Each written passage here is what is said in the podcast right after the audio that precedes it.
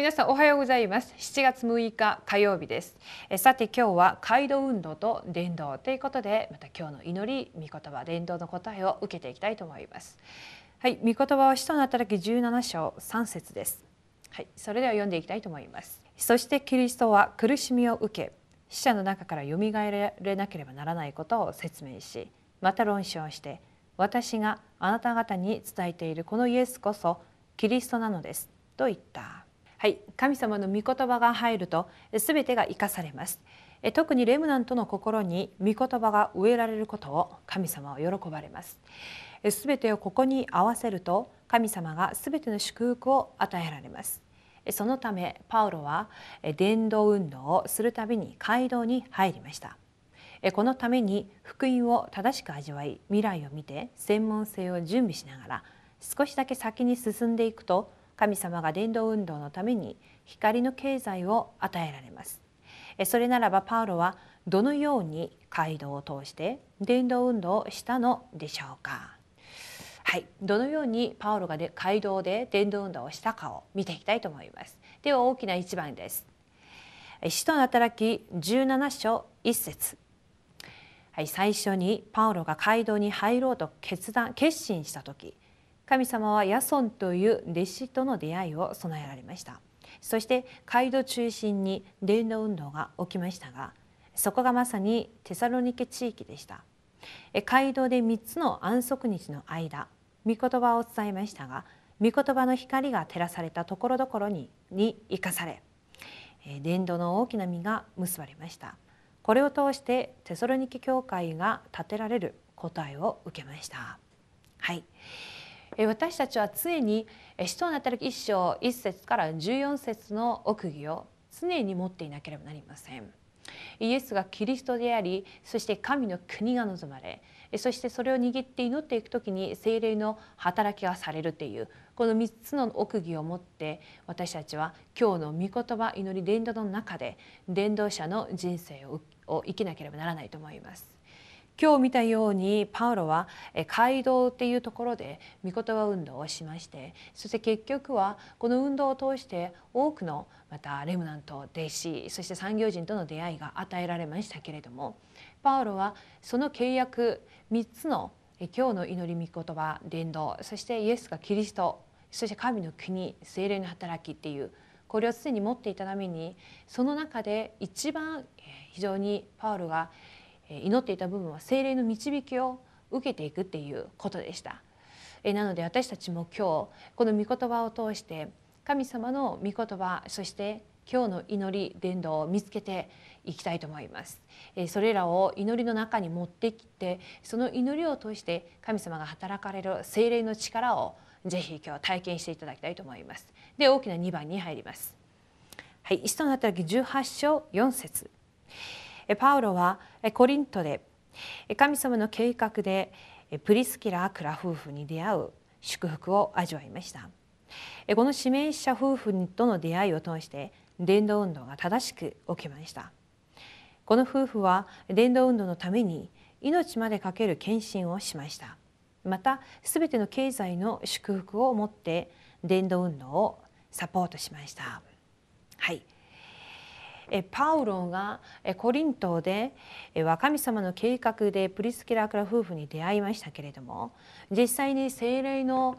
導きをずっと受けていく中で祈りの場を探しながらずっとまた伝道していく中で伝道をどうしたらいいかっていうことよりも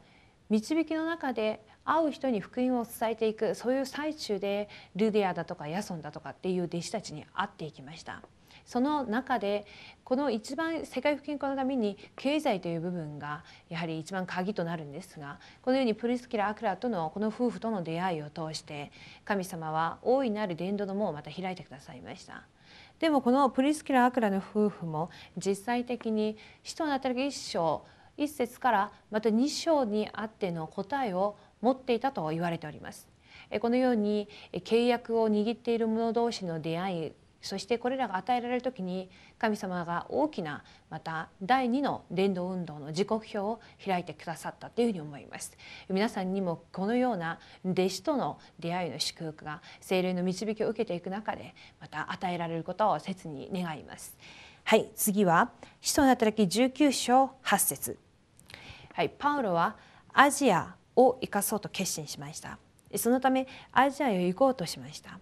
しかし神様はアジアを生かそうとするパウロにエペソを先に見せられました。エペソを生かそうとするとツラノを生かさなければなりませんでした。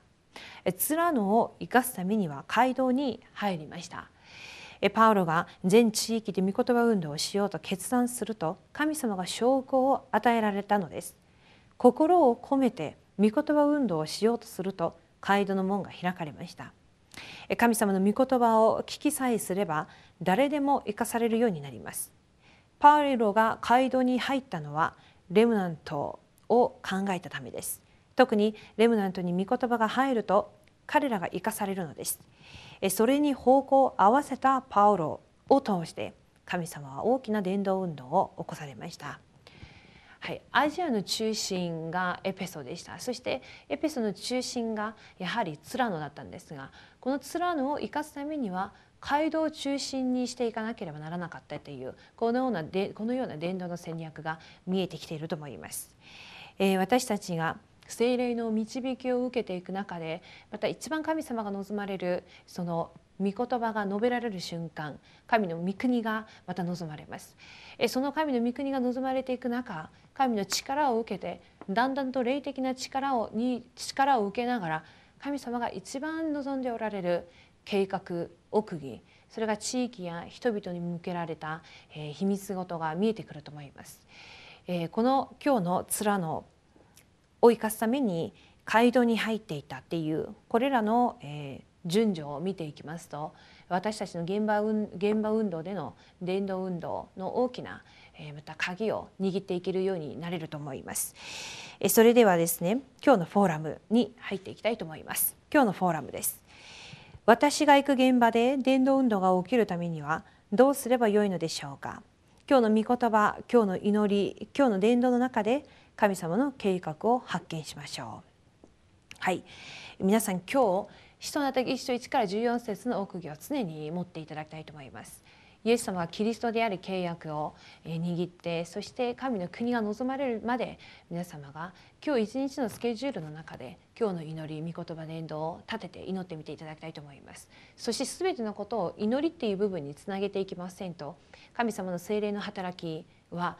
なされませんなのでこの内容を常にベースに持って皆さんの皆さんの現場で今日のこの出会いの祝福が与えられるように祈ってぜひ答えを受けていただきたいと思います。それでは今日お祈りを通して祈りの手帳を終わりにしたいと思います。はい神様感謝します。今日街道運動を通して広がった伝道運動を私たちは見ることができました。誠にパウロが精霊の導きを受けていく中で祈りの場があると思って導かれていく中で霊に取りつかれた人やルディアやまたヤソンとの出会いを通し結局大きな OMC の主人公でもあったプリスキラやアクラとのこの夫婦との出会いを通してローマを征服していく答えを受けることができました。私たちがいる今日自分の現場で神様は私たちのスケジュールを通して神様の祈りと伝道御言葉の計画がなされていくように願います。私たちは神の子供ですからこれからは神様から与えられた契約を持って祈る時そして精霊が働く時まで私たちは祈っていくことができるように願います。そして未来の主人公であるレムナント運動に対してもう一度21世紀のツラノの運動が回復されるようにレムナント運動が起こされるように主が働いてください。すべてを感謝して主イエスキリストの皆によってお祈りします。アーメン。